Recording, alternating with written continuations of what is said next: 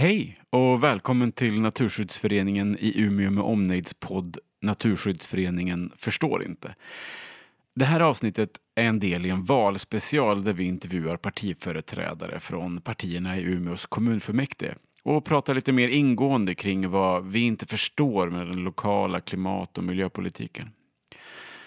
Frågorna utgår mycket från de granskningar som vi i den samlade miljörörelsen gjort av partiernas politik den gångna och kommande mandatperioden.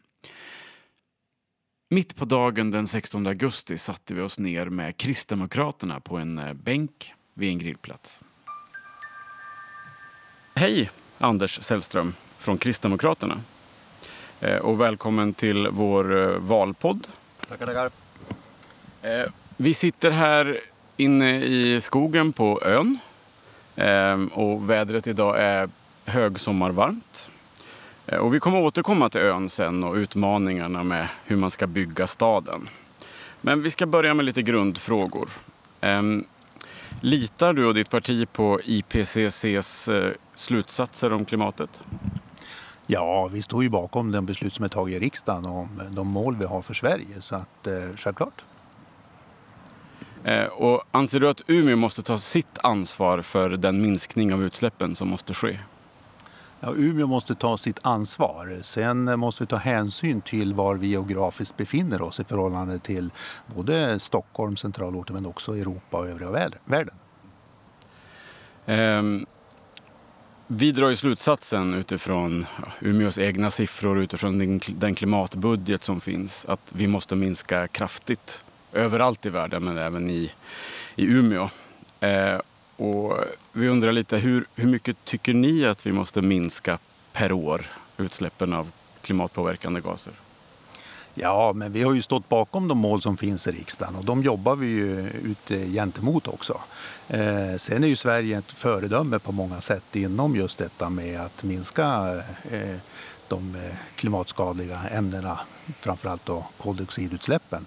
Eh, och det har vi varit duktiga på under, under många år. Vi är ju bäst, i stort sett bäst av alla OECD-länder och det ska vi vara stolta över. Och den tekniken, kunskapen, kompetensen, den ska vi också förmedla till andra, andra använda sig av. I ehm, den enkät som vi i miljörörelsen i Umeå skickat ut så svarar ni att ni står bakom den minskning på 20 procent per år som vi föreslår. Eh, stämmer det? Ja, ja, vi har svarat på att det är en rimligt eh, antagande att vi ska försöka jobba i den riktningen, absolut. Eh, vill du berätta om vad du har för position i politiken och i ditt parti? Ja, jag är, sitter då i kommunfullmäktige i Umeå. Jag är också vice ordförande i bostaden. Eh, jag är också lokalavdelningens ordförande för närvarande och, sen är jag, och det är vad jag gör som fritidspolitiker. Jag har ju ett jobb på Region Västerbotten där jag jobbar med politisk påverkan kan man väl säga eh, på statsmakterna i stort sett. Um, och när förstod du att klimatkrisen är på allvar?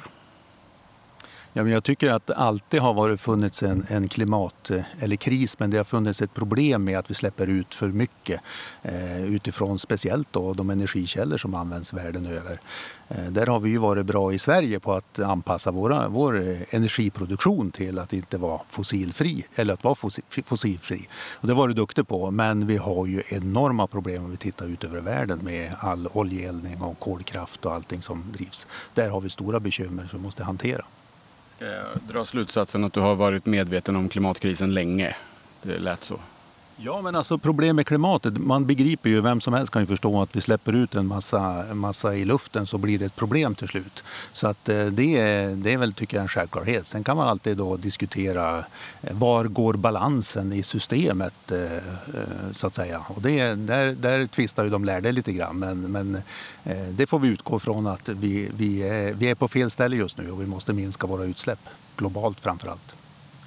När, eh, när har du klimatpanik? Jag har aldrig klimatpanik. Jag har aldrig panik över någon, någon sak. Utan ska man politiskt komma framåt så får man inte utgå ifrån någon panikåtgärder. Utan där måste man vara systematisk, man måste jobba strategiskt och man måste också ta hänsyn till olika faktorer för att komma framåt. Annars är det risk att man eh, får människor att sparka bakut helt enkelt och då, då vinner inte klimatet någonting på det. Um, och Vad är din bästa plats i naturen? Jag har två platser. På vintern är det Hemavan, man får åka lite skidor ut för fjäll, fjället och eh, annars är det här på Vitesudden utanför Obbola där vi har vår sommarstuga. Det är ett, mycket fint naturställe att bevista och åka och titta på eller bara vara på.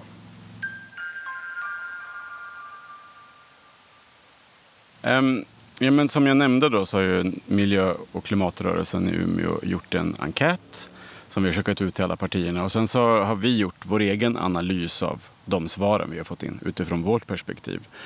Eh, och i den enkäten så klumpas ni ihop med Moderaterna och Sverigedemokraterna i liksom den lägsta nivån i våra slutsatser. Det står så här. Eh, dessa partier prioriterar i viss mån hållbar utveckling men prioriterar övervägande motsatt riktning då partierna ofta argumenterar emot möjliga klimatambitioner för kommunen och fokuserar i stort sett endast på att e-, elektrifiera transporter eh, och samt utbyggnad av cykelväg och kollektivtrafik. Alla tre partier låter kostnadseffektivitet och bekvämlighet bli hinder för att vilja satsa på åtgärder som kan minska klimatutsläppen kraftigt och snabbt. Vad säger du om det? Är det rättvist? Nej, jag tycker det är inte rättvist. Jag kan förstå det utifrån er synvinkel att eh, när man bara har fokus på en sak, att enbart eh, snabbt få ner alla utsläpp genom att förbjuda eller fördyra extremt mycket olika saker. Eh, vi vet ju att vi bor i ett geografiskt utsatt läge i norra Sverige. Vi är beroende av att andra människor kommer hit. Vi är beroende av också att komma till andra människor för att eh, kunna påverka beslut och för att kunna kunna eh, utföra saker och ting för att vi ska kunna bo här, här uppe i norra Sverige. Och då blir avståndet en problematik som vi måste hantera. Och jag tror att det är där man missar lite grann. Att eh, det här med hållbarhet det bygger på tre saker. Det är både ekologiskt, socialt men även ekonomisk hållbarhet. Och där missar oftast, eh, tycker jag, då, de här miljörörelserna. De blir väldigt extrema av sig i de här bitarna och tynger bara ner på en fot. Men vi har faktiskt tre mål och de ska, hålla, de ska vara balans i. Jag vill ju understryka att vi, vi inte har några egna förslag om hur man ska lösa det här.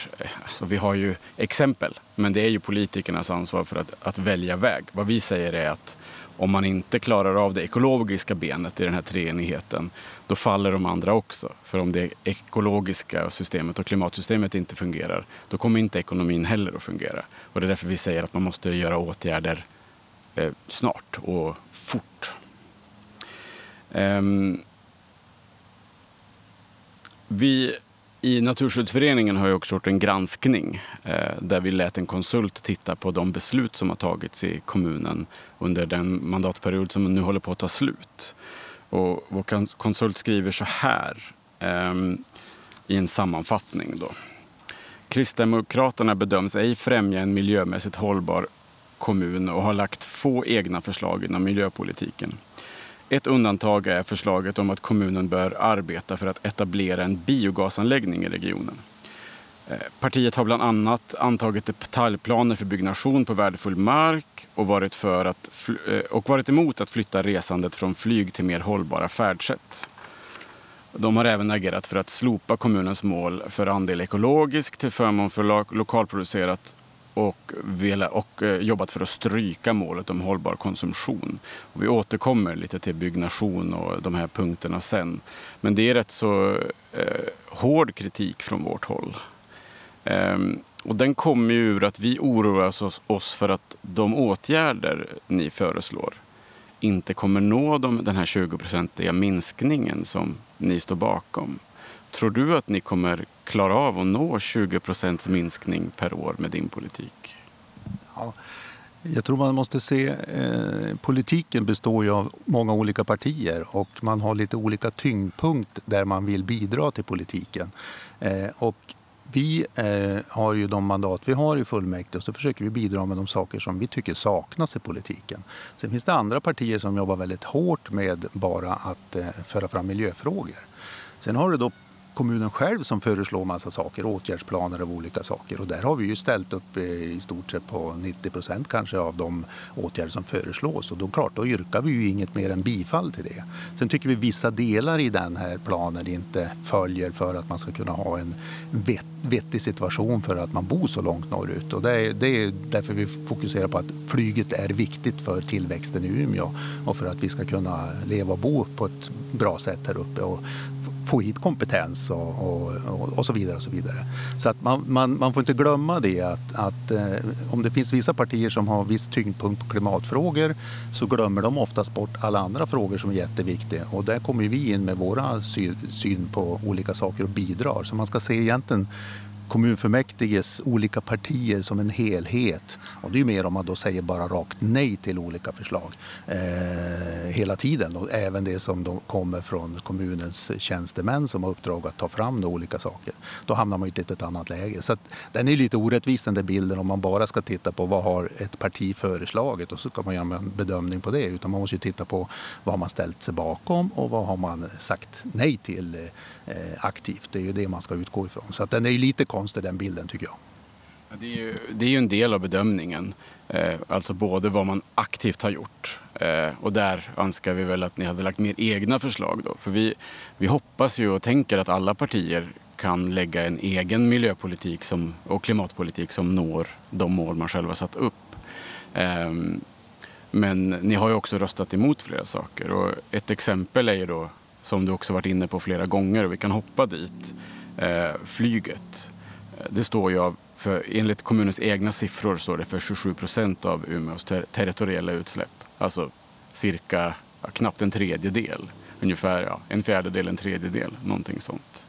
Eh, det är alltså en enorm utsläppskälla som eh, ni inte vill göra någonting åt. Hur rimmar det med era klimatambitioner? Alltså flyget jobbar man ju med för att vi behöver det, för att vi bor så långt borta. Vi behöver den trafiken. Den, flyget i sin tur, när man tar in de här siffrorna, har man ju också vägt in utrikestrafiken i de här siffrorna när Umeå jämför. Ska man jämföra med, med flyget eh, inrikes och eh, den delen man, man har på transport transportsektorn så är det bara 1 procent som flyget bidrar med utsläpp i, i inrikesresor. Här kan man alltid diskutera hur man ska räkna. En del tycker att man ska ta på sig alltså även vad man då importerar eller, eller för sig går utrikes. En del säger att om man gör det så dubbelräknar man och så får man tokiga, tokiga siffror. Här, här tvistar ju de lärde hur man ska göra fortfarande och vi väntar ju på i så fall någon form av att eh, Eh, riksdag och regering ska fatta beslut om hur ska man egentligen räkna det här. Men det, det finns varningar på att man ska inte dubbelräkna för då blir det problem. Varje land har ansvar för sina utsläpp i sitt territorium och det är så man ska utgå ifrån. Men, men flyget är en kompensation för att vi bor där vi bor och det är viktigt att komma ihåg. Och den, den, den eh, delen måste vi ha kvar för att vi ska kunna ha en tillväxt och för att vi ska kunna uppnå de målen här uppe, 200 000 invånare i Umeå. Fortsatt expansion i de grenar som vi nu ser växer eh, i norra Sverige, nämligen få fram nu fossilfri, fossilfritt stål och vi får batteritillverkning och det är en del av att faktiskt behålla flyget för att klara det. Så jäm, viktar man de här så är ju flyget en väldigt liten del och försumbar i sammanhanget och vi vinner så mycket mer på eh, att kunna släppa generellt ut mycket mindre eh, koldioxid i och med de, de förändringar som sker inom en, eh, industrin du pratar ju om det här, liksom, var hör utsläppen hemma någonstans? Och det är, klimatet bryr sig inte om var de kommer ifrån. Eh, och om vi lägger alla utsläpp i deras egna länder så att säga, då hamnar vi oproportionerligt mycket på de länder som producerar de varor som vi sedan importerar. Det är därför vi tänker att det är viktigt att man även räknar med det ansvaret här. Ehm, men eh, jag tänker att ni ändå ser utsläppen av klimatpåverkande gaser från flyget som ett problem. Så vad vill ni göra åt klimatpåverkan från flyget då? Ja, men det är en del, det är ju att varje flygbolag klimatkompenserar till en början sina utsläpp och det gör man ju. Många av de här bolagen gör ju det redan idag.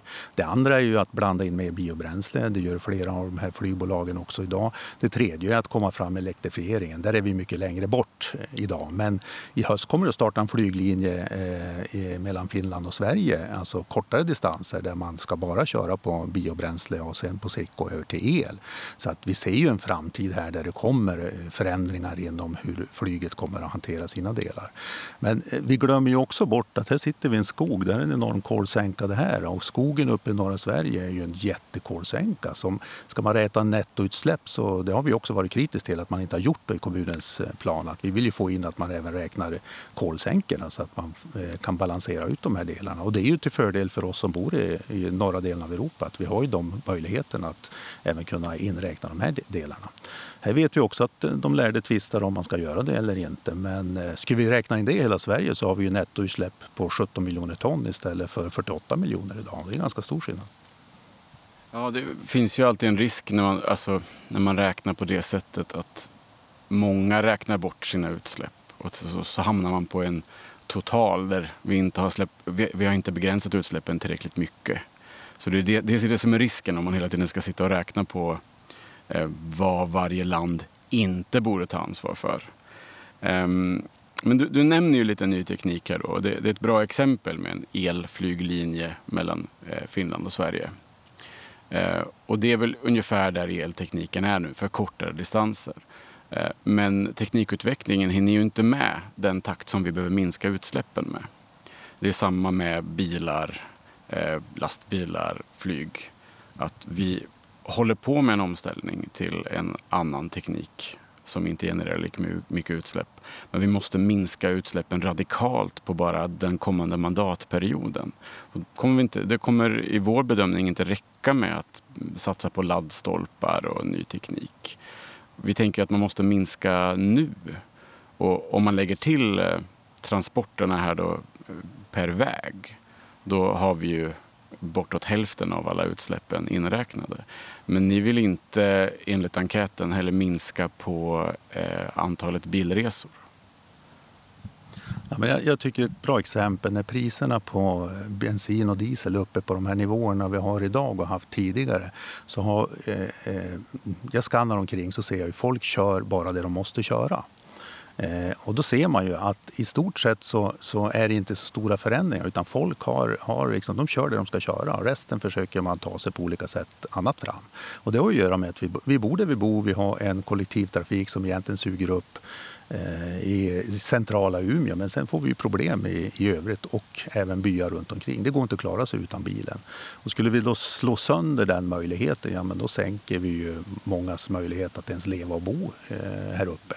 Och dit är ju inte vi på väg. Sen vet jag ju att det finns organisationer som gärna skulle vilja se det dithän att vi, vi i stort sett förbjuder bilkörning. Men eh, så har inte vi tänkt det och jag tror inte att vi behöver göra det utan på sikt så kommer vi att börja i centrala större städer så byter folk till elbilar allt eftersom och sen kommer det här att sprida sig ju längre vi får räckvidden och, och tekniken går ju fortare fram än vad jag faktiskt trodde att den skulle göra inom, inom bilbranschen. Så, att, så att jag, jag ser ju med tillförsikt på det här faktiskt. En, eh, en tredje stor källa då för utsläpp av koldioxid och andra klimatpåverkande gaser det är ju Dova eh, kraftvärmeverket här.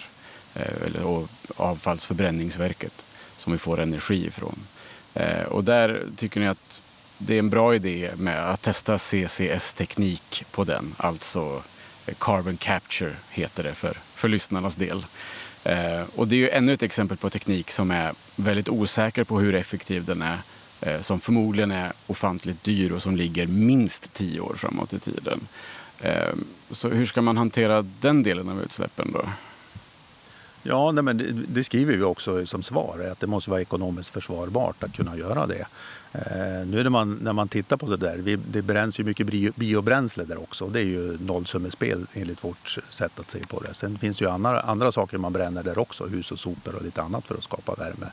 Eh, men eh, tekniken är på frammarsch och det är ju, bara, det är ju, det är ju också där en tidsfråga när den blir ekonomiskt hållbar och att den fungerar som den ska. Eh, och ja, jag kan inte säga i framtiden men som sagt det måste vara ekonomiskt hållbart annars så slår vi ju sönder ekonomin hos folk om du ska höja kostnaden för att ta igen det där hos var och en i varje hushåll. Eh, det tror jag är helt fel väg att gå. Då får vi inte med oss människorna i det här utan då, då, då får vi stopp i systemet. Men vi, ni, har ju, eller ni organisationerna har ju ett annat synsätt än vad de beslut som är fattade eh, faktiskt i riksdagen om de mål vi har. Och vi tycker att de är, de är lämpliga och de är möjliga att uppnå. Men ska man skynda ännu snabbare då kan vi få eh, stora bekymmer som vi ser det.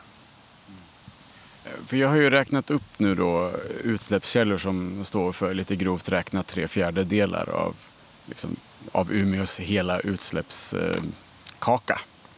Eh, och du har gett eh, rimliga skäl till varför man inte ska minska utsläppen från dem i närtid. Utan vänta på ny teknik till exempel. Eh, och jag tänker att du ser problemet här ändå. Att du vill, minska, du vill nå klimatmålen, du vill minska med 20 procent per år. Men du säger nej till utsläppsminskningar i närtid från tre fjärdedelar av våra utsläppskällor. Hur ska vi då kunna tro på att Kristdemokraternas politik kommer leda till att nå målen? Ja, men om det är netto noll vi är ute efter, då är vi ju väldigt nära målen om vi räknar in eh, skog och markanvändning som en kolsänka. Eh, annars är det ju, tycker jag, vad man ska fokusera på det är ju att få folk att röra sig mer utanför bilen när man kan. Kan man nå dithän så är det ju jättebra. Eh, men vi, vet, vi ser ju också nu, trots de höga bensin och dieselpriserna, så ser vi också att folk använder bilen till det de behöver göra. Eh, sen finns det några procent jag tror vi skulle kunna få släppa lite mer och, och, ta steget ut och cykla eller gå när man ska någonstans. Jag är ju väldigt duktig på det själv. Jag använder väldigt lite bilen i, i stan utan bara när vi behöver göra större, större insatser. Eh, och det tror jag fler kan faktiskt eh, göra. Men, men vi, vi måste också ha med perspektivet att vi bor där vi bor. Eh, det kommer vi aldrig att komma ifrån. Ja, precis. Och då, ni vill ändå jobba med påverkansarbete från kommunens håll för att minska människors känsla av behov av att använda bilen till olika transporter då, eller? Ja, och det gör vi ju. Vi står ju bakom den politik vi har nu med att förstärka kollektivtrafiken där det går. Eh, att sänka pris, som också var en fråga i den här enkäten, på kollektivtrafiken, det tycker vi är fel väg att gå. För det enda som händer är att du får de som redan går och cyklar och hoppa på bussen. Det visar nästan alla undersökningar. Det är ingen bra taktik.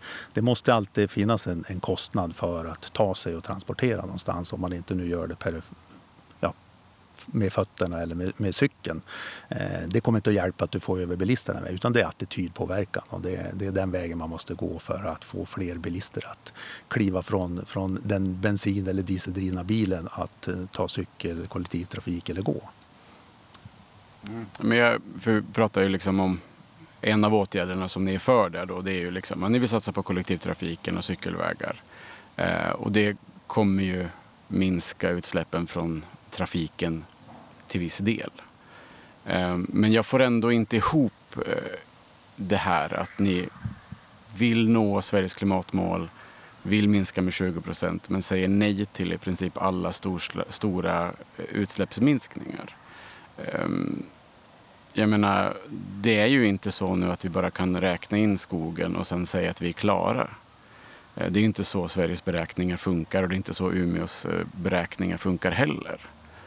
Ehm, så jag, det känns som att du gör det lätt för dig genom att bara säga att vi har mycket skog. Ja, men, men det var ju det vi skiljer oss på också. Att vi tycker att man ska räkna in skogen som en kolsänka. Men titta här nu. Vi har, båttransporter står ju för 4% ungefär av utsläppen. Flyget för 1 Här har vi ett bra exempel på att vi har fått eh, kanske en av världens renaste färger som går mellan Umeå och Vasa. Det är ju ett sätt att bidra till det. här. Det andra är ju omställningen till elbilar som sker hela tiden i Umeå. Fler och fler köper elbilar eller hybrider och kan köra i stort sett på el inom stan hela tiden. Eh, och det går ju faktiskt ganska snabbt man tittar sig runt omkring så ser man hur mycket folk byter bilar. Men du kommer ju ändå ha ett, ett, ett antal bilar, ett antal människor som inte har råd att göra den där förflyttningen. Eh, och de kan man ju liksom inte slå i huvudet eller, eller på annat sätt eh, få dem till att, att hoppa över på en e-bil och kanske göra av med alla sina besparingar på ett, ett kort. Det liksom funkar ju inte på det viset. Men får vi de som kan göra det, göra det. Och det sker ju hela tiden. Så för varje bil du kan, varje hushåll du kan få så byta bil så att säga till en elbil är ju jättebra. Och det sker ju redan i Umeå. Så här har vi ju en, en nedsläpp, en minskning som pågår hela tiden. Eh, sen har du det andra då. Vi flyttar ju in mer folk till Umeå. Då. Vi växer ju som stad hela tiden. Det blir fler och fler människor. Eh, och då måste man ju sitta och titta på som man gör då. Att, att eh, det kan ju vara så att Umeå inte inte vad ska man säga, minskar sina utsläpp eh, totalt sett, men per capita så gör man det. Och det är det här man måste då skilja på lite grann så att man, man tittar på, på de här olika delarna. Men, men folk i allmänhet har ju blivit, blir ju mer och mer medvetna om vilka, hur man påverkar miljön och det tycker vi är jättebra. Du, du, nämner ju här då att utsläppen från, från Umeå kommun har minskat. Och de senaste siffrorna jag kunde hitta de är från 2018. 2018, 2019 någonstans där. Och de visar att utsläppen av koldioxid och andra klimatpåverkande gaser har minskat med cirka 3 procent ifrån Umeå. Eh, och det är ju långt ifrån de 20 procent eller 16 procent som klimatbudgeten sa då att vi behövde minska med. Så har du några andra siffror eller är det de där 3 procenten du pratar om då? Jag kan inte siffrorna, men om man mäter på Umeå kommun och så räknar vi då eh, att det fylls på en 1500 personer per år så då det är klart att det påverkar ju åt andra hållet att du får fler människor i kommunen. Så man måste ju liksom gå in och titta på de här enskilda delarna. Nu sjönk det ju, i och med pandemin så reser ju folk mycket mindre och har gjort det så det är klart, då har det ju sjunkit. Så att vi behöver kanske ha det här årets siffror för att kunna se jämföra med 2019 till exempel för att få mer realistiska siffror och de finns ju inte ännu så att, svårt att säga. Mm. Um, ja, men som jag nämnde förut då, så sitter vi här på ön, Norra ön. Här vill Umeå kommun bygga ett rätt så stort bostadsområde. Eh, och det är någonting ni är för? Ja, vi var ju emot detta. Vi tyckte att ön skulle vara som en lunga för Umeå, att kunna nyttjas på det sätt som det görs idag med lite enklare då, eh, nybebyggelse och lite justeringar i det som redan finns. Men vi tyckte att det här skulle få vara Umeås lunga och det stred vi för länge innan detaljplanen då antogs. Nu när den finns så har vi ju gått in och sagt att plocka bort lite broar, bygg lite lägre, Eh, se till att, att inte göra så tätt eh, som man har tänkt sig. Så det är våran, eh, våran linje just nu, att försöka hålla igen det man har tänkt sig ska byggas här. För det här kommer troligtvis bli Umeås dyraste bostäder som byggs här för att det behöver pelas ganska mycket, det behöver byggas mycket infrastruktur. Så både hyresrätter och bostadsrätter kommer att vara bland det dyraste du hittar i Umeå, är jag rädd för. Men en fördel med ön som plats då, det är att den ligger centralt i Umeå Eh, är det inte då bättre ur ett transportperspektiv att bygga mycket bostäder här, bygga högt och göra precis som planen är, att ha väldigt lite bilar i området? Nej, vi vill ju, vi vill ju få det, behålla så mycket av den här karaktären som möjligt. Och det har att göra med att varje bro som är tänkt att byggas här kostar ju enorma pengar. Eh, och tänker man då när vi sitter och pratar klimat så blir det enorma utsläpp också vid med byggnationerna som kommer att, att eh, ske här. Så att ska man nu vara, eh, vara en förening som, som eh, som står för att snabbt minska utsläpp så ska man nog se till att eh, bygga väldigt mycket mindre på sånt här ställe än att bygga jättemycket. För att du måste pela och då är det cement som gäller. Och det kommer att bli dyrt, kosta pengar och det kommer att släppa ut mycket utsläpp också. Um, det är många områden som man vill bygga ut här i stan nu då. Vi har eh, Tegelbruksberget, Karlskogen, ön här. I20-området, eh, Tomtebostrand som alldeles eh, nu kommer börja byggas. Eh, och det är ju eh, fler exempel då på ställen där man behöver hugga ner skog för att bygga bostäder. Eh, och ni säger ju själva i, i enkäten att en av era, era fokusområden är att ja, skydda skogen. Um, och det kom en rapport bara igår som togs upp i lokalradion om att eh, antalet trädkronor i Umeå har minskat eh, i paritet med hur mycket man bygger.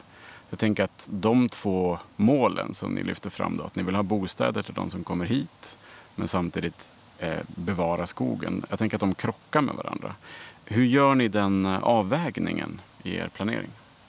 Ja, men det, alltid när man lägger en detaljplan och större områden så måste man ju ta hänsyn till de här parametrarna. Och så får man titta på vad, vad, blir det, hur kommer det se ut när man bygger någonting nytt i olika områden. Och det är därför vi tycker att man får inte köra för hårt, speciellt då på ön i, i sådana här lägen, utan behålla en del av den här känslan som, som, som vi, vi upplever just nu när vi sitter här.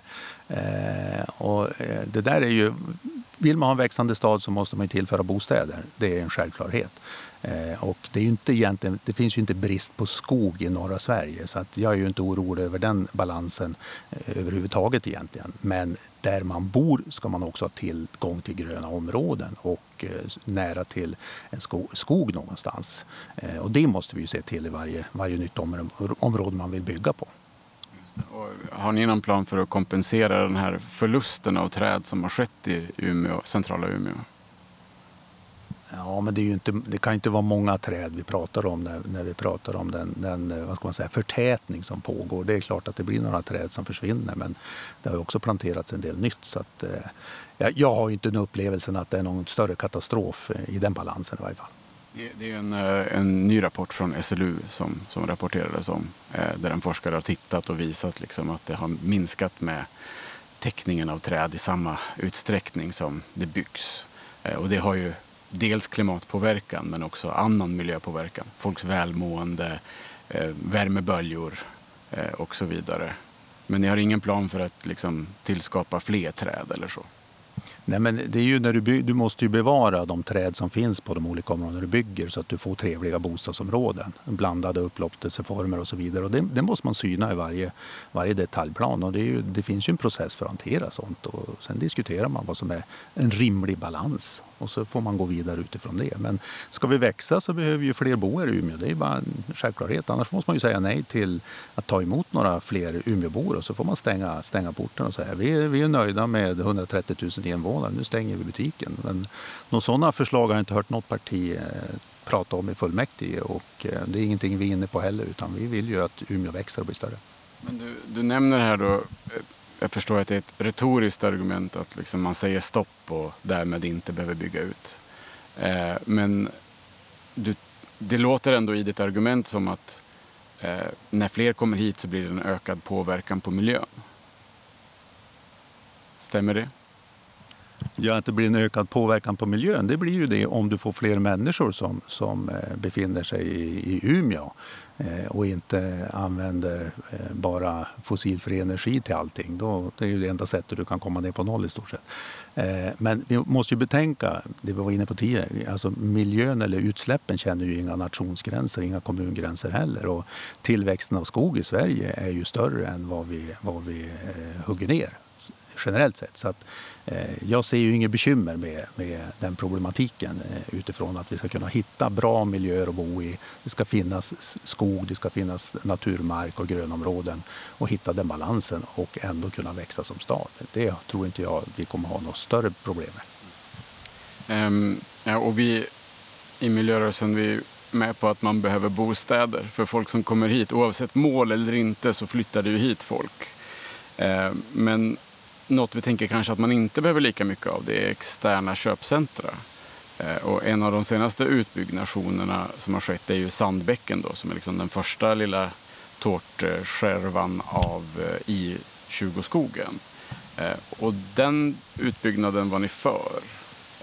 Trots att det liksom innebär att hugga ner skog och att tillskapa ännu mer konsumtionsyta som ju också påverkar miljön. Varför då? Ja, jag, jag, tror Umeå är ganska unikt med sitt sätt att hantera detta med eh, externa köpcentrum som man säger. Och de första tänker ju på oftast när man pratar om det, det är ju handelsområden Birsta utanför eh, Sundsvall eller uppe i Luleå att man måste ha bil för att ta sig till de här. I Umeå har vi ju faktiskt sett till att bygga lite mindre stora köpcentrum men att alla faktiskt kan cykla och till och med gå till de här köpcentren. De är alltså väldigt nära. Eh, det är ett helt annat upplägg än vad många andra städer har gjort och där har vi varit föredöme anser jag eh, utifrån vår synvinkel. Eh, att det också då byggs folk, alltså de som vill hit och affärer som vill göra affärer i Umeå. Umeå växer, då vill man hit dit och bidra till att sälja sina saker och det ökar ju konkurrensen också, får ner priserna för, på olika eh, delar och att vi får då eh, det som nu händer eh, uppe vid Sandbäcken där. Det är, ju, det är ju bara bra, för det är ju också nära, ett nära centrum. Du behöver inte köra långt för att hämta ditt virke eller dina varor utan du kan göra det väldigt nära för att komma åt det eller till och med gå och cykla för att göra det. Vi är unika i det i Umeå och det ska vi vara stolta över. Och det, det har du rätt i, man, man, kan ju cykla dit, det, det gör ju jag ibland då.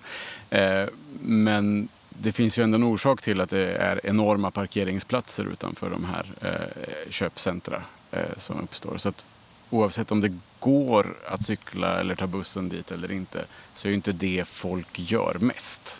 Utan folk tar ju bilen dit och det är ju visat i flera studier att bygger du en ringväg och externa köpcentra så ökar det eh, trafikrörelserna. Så i vår syn så är det ändå en planering som man vet leder till ökad eh, trafik, ökade utsläpp därmed. Eh, är det verkligen en klok stadsplanering när man vill minska utsläppen? Ja, men eh, minska utsläppen, alltså, vi har ju, vad som händer tyvärr, som jag ser det, det är ju att centrum förlorar ju på det här de tappar ju biltrafik. Medan de här centrarna som ligger just utanför centrum ökar biltrafiken såklart om du öppnar upp ett köpcentrum. Eh, jag skulle vilja syna det där. Jag skulle kunna tänka mig att det är ganska nollsummespel eh, totalt sett det där. Eh, sen är det ju så, jag menar vi bor ju där vi bor, vi har en massa byar, samhällen runt om oss och det är klart att de kommer till, till Umeå och handlar om det finns det utbudet som finns, Ikea eller vad det nu kan vara. Eh, annars skulle de ju åka någon annanstans och handla. Så då har du inte sett den bilrörelsen i Umeå, då har du sett den någon annanstans. Till Sundsvall kanske, som är ännu värre då. Eh, att de ska åka dit, det är ännu längre att handla där. Eller upp till Hamparanda där Ikea finns, eller hur man nu vill göra. Så att eh, det, det, man måste liksom se helhet och jag tror man glömmer bort det eh, när man tittar på, på sådana här siffror. Man, man, glömmer att förut åkte Umeåbor till Sundsvall och handlade på Ikea. Nu handlar de i Umeå istället, så det blir mycket kortare bilrörelse. Öviksborna åker till Umeå och handlar på Ikea istället för att åka till Sundsvall. Med andra ord, man rör sig kortare sträckor. Eh, så att jag, ja, jag, jag, jag, tror inte på den där bilden. Helheten talar istället för att det här är klokt. Fast Trafikverket, när de gör sina beräkningar så räknar de med ökade trafikvolymer eh, i framtiden. Eh, så det verkar inte stämma. Alltså din känsla verkar inte stämma överens med de experter på Trafikverket som beräknar hur stora trafikvolymerna kommer vara. Um, och dessutom så pratar du om mindre förändringar. Alltså att inte åka till Ikea istället åka till, eller inte åka till Ikea i Haparanda utan åka till Ikea i Umeå. Men det är ju fortfarande ett utsläpp som vi kan se statistiskt eh, är så stort att vi inte når våra mål ändå. Så de här små förändringarna verkar ju inte heller göra att vi når de stora utsläppsminskningarna som vi behöver göra. Ja, nu är vi inne på som vi behöver göra utifrån er synvinkel och eh, vi utgår ju från de nationella riktlinjerna och målen som är antagna där. Eh, ni är ju inte överens om dem så det är klart att då uttrycker du det så. Eh, jag tror att vi kommer att klara av att nå de här målen som vi har fastställt i, i riksdagen. Eh, för att, för att uppnå den här helheten i Sverige. Men, men en växande stad skapar mer trafik, ja. Men om du får fler eh, butiker, affärer som attraherar invånarna att köra kortare sträckor så är det smartare. Även om det genererar just när du lägger ut mätkabeln utanför Avion till exempel så ser du att det blir mer trafik där. Men eh, jag tror inte Trafikverket gör samma bedömning eh, när de försöker jämka hur många åkte förut till eh, Ikea Sundsvall eller Ikea Haparanda. Den mätningen har jag aldrig sett Trafikverket göra så att man får, man får tänka på helhet innan man eh, går in på detaljer och dra för starka slutsatser av det. När man utvärderar eh, Sveriges miljömål eh, så gör man ju sådana här eh, uppåtgående eller nedåtgående trender. Alltså tror vi att vi kommer nå målen eller inte? Och då har ju aldrig klimatmålet fått en uppåtgående pil. Utan man bedömer ju alltid att vi inte har åtgärderna för att nå klimatmålen. Så det verkar ju inte heller riktigt stämma det du säger, om det inte kommer en väldigt stor insats snart. Att vi kommer nå de där klimatmålen, ens de som är satsade på nationell nivå. Eh, och det är därför vi trycker på för att man måste liksom minska nu. Eh, vi kan eh, länka det sen då, den här statistiken, den här nationella statistiken om, om klimatmålen. Men det har hittills inte sett positivt ut. Men vi pratade om Sandbäcken här nu och konsumtion. Och medborgarnas och allmänhetens och även eh, kommunernas konsumtion är ju också en stor del av det som genererar utsläpp och miljöpåverkan. Men eh, ni, ni, är inte för att ha ett mål om att minska Umeåbornas eh, konsumtionsbaserade utsläpp. Varför då? Eh, nej, det har vi väl inte varit inne på på det sättet. Vi tror ju att istället med nationella medel och regelverk och de delarna kunna nå dithän. Och som jag sa från början, skapar vi en eh, fossilfri energiproduktion eller där vi använder energi, då, då når vi ju hela världen ska ju klara av de här klimatmålen då. Eh, där har vi ju i stort sett hemma den delen i Sverige förutom då inom, inom eh, biltrafik och transportnäringen. Det är ju där vi måste sätta åt eh, de största resurs, resurserna nu och det är ju det som händer överallt. Northvolt skulle ju inte ha etablerat sig om det inte fanns ett enormt sug efter elektrifiering av bilar och, och lastbilar till exempel. Och vi ser ju att det växer nu bil, bil, batterifabriker. Eh, sen det här eh, det du nämnde tidigare om de här miljömålen. Ja, men om vi nu får fart på fossilfri eh, produktion av stål, det kommer ju att sänka utsläppen ganska rejält i Sverige. Nu är vi inte framme där än, men vi, vi har ju stora förhoppningar att vi ska lyckas. Då tror jag de här tummarna neråt eller vad man nu pratar om vänds till att det blir tummar uppåt istället. Så att eh, vi behöver ju sätta in åtgärder i industrin för att nå dit här och jag hoppas att det här ska gå vägen. Men eh, vi är inte framme där än och det går inte att räkna med det förrän vi vet om det fungerar. Det är precis eh, bra sammanfattat. Du hoppas att det här ska gå vägen utifrån olika exempel på eh, ny teknik som kommer, att, kommer eller kanske kommer tillämpas inom de närmsta 20 åren.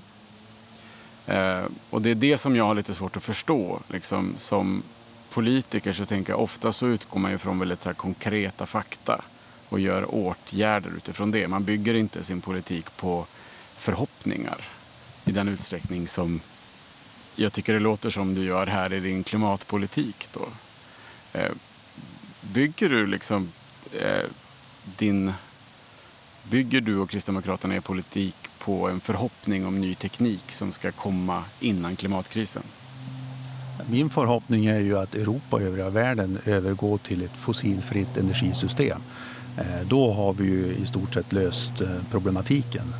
Eh, där skulle man ta efter Sverige. Vi har ju varit föregångare inom de delarna. Sen måste man ju hoppas på den här tekniken. För lyckas vi med det här med vätgas, med vätgas kunna producera fossilfritt stål, då kan vi exportera den kunskapen till andra länder som också producerar stål. Det här är ju, det här är ju liksom det är ju här, den här vägen vi måste gå. Ska man utgå från fakta så är det ju så. Sverige bidrar, eller står kanske för är det en promille av alla utsläpp i världen. Skulle vi se på fakta så skulle vi ju kunna vara ganska nöjda och sitta stilla i båten och inte behöva göra någonting. Vi påverkar ju inte, eh, vare sig om vi skulle stänga Sverige imorgon så påverkar inte utsläppen i världen överhuvudtaget. Eh, men så fungerar ju inte vi i Sverige utan vi är ju på, på hela tiden för att ändå komma framåt i de här frågorna och kunna hjälpa andra länder. Eh, och det är det här vi måste vara, vara duktiga på, påverka också andra länder att, att gå över från koleldade kraftverk till eh, andra energikällor, typ kärnkraft som, vi, som är oerhört viktig i den här omställningen tror vi. Ja, vi har ju undvikit att prata om eh, kärnkraft och de sakerna för att det är nationell politik och inget vi styr över här i Umeå. Jag var inne på det att vi saknar lite konkretion eh, för hur man faktiskt ska nå den här utsläppsminskningen. Eh, från Umeå kommun och från partierna. Eh, och en sak vi hade hoppats väldigt mycket på, faktiskt väldigt mycket, var den åtgärdsplan, det åtgärdsprogram som Umeå kommun tog fram för att nå sina egna klimat och miljömål. När den väl kom på remiss så fick den enorm kritik från universitetet, från miljörörelsen och väldigt brett. Vad, vad är din uppfattning om, om åtgärdsprogrammet för miljömålen? Ja, den är ju gjord för att kunna, ska man väl säga, anpassa sig till det stora flertalet. Eh, och den är också gjord för att varje nämnd, varje bolag i kommunen ska kunna vidta sina egna åtgärder.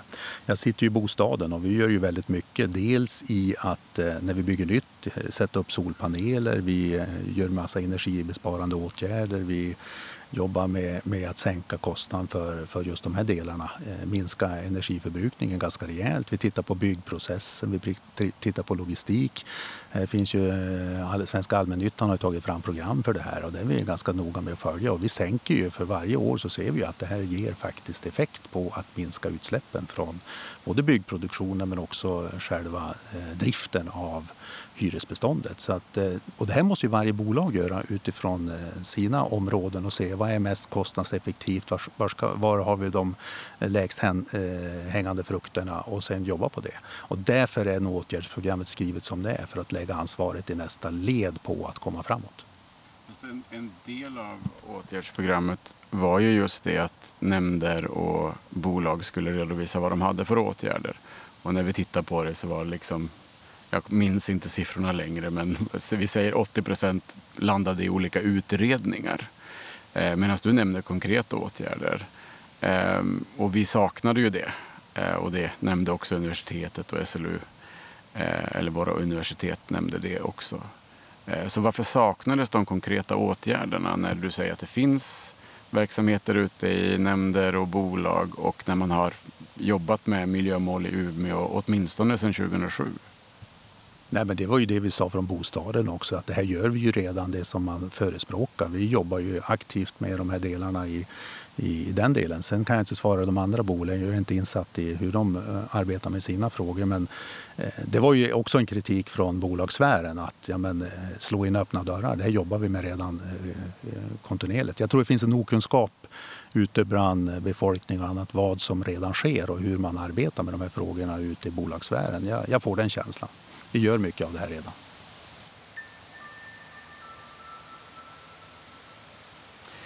Um, ja, men du märker att vi är liksom oroliga och stressade.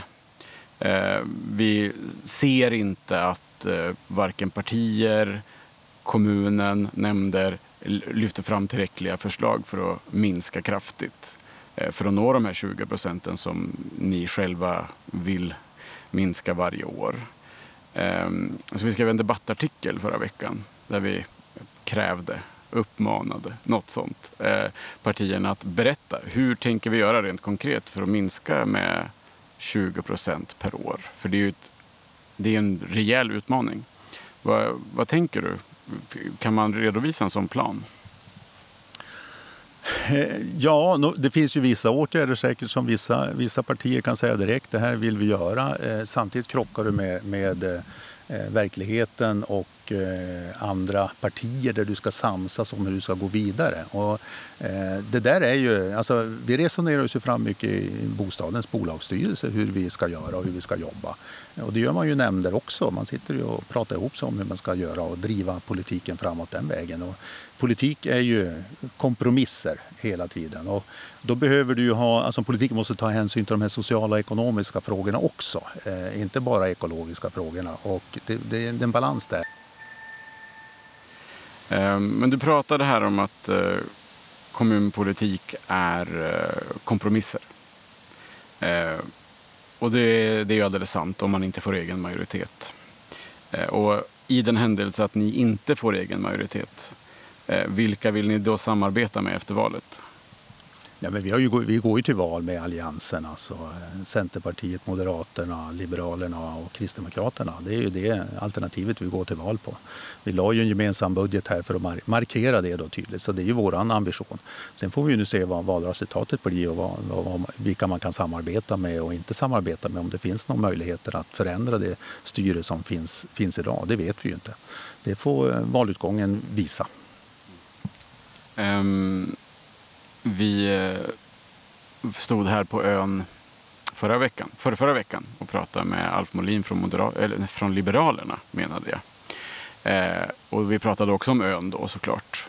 Och då sa han att från Liberalernas håll så har de börjat tänka och föreslå nu att de vill att man ska lämna ön som en grön yta.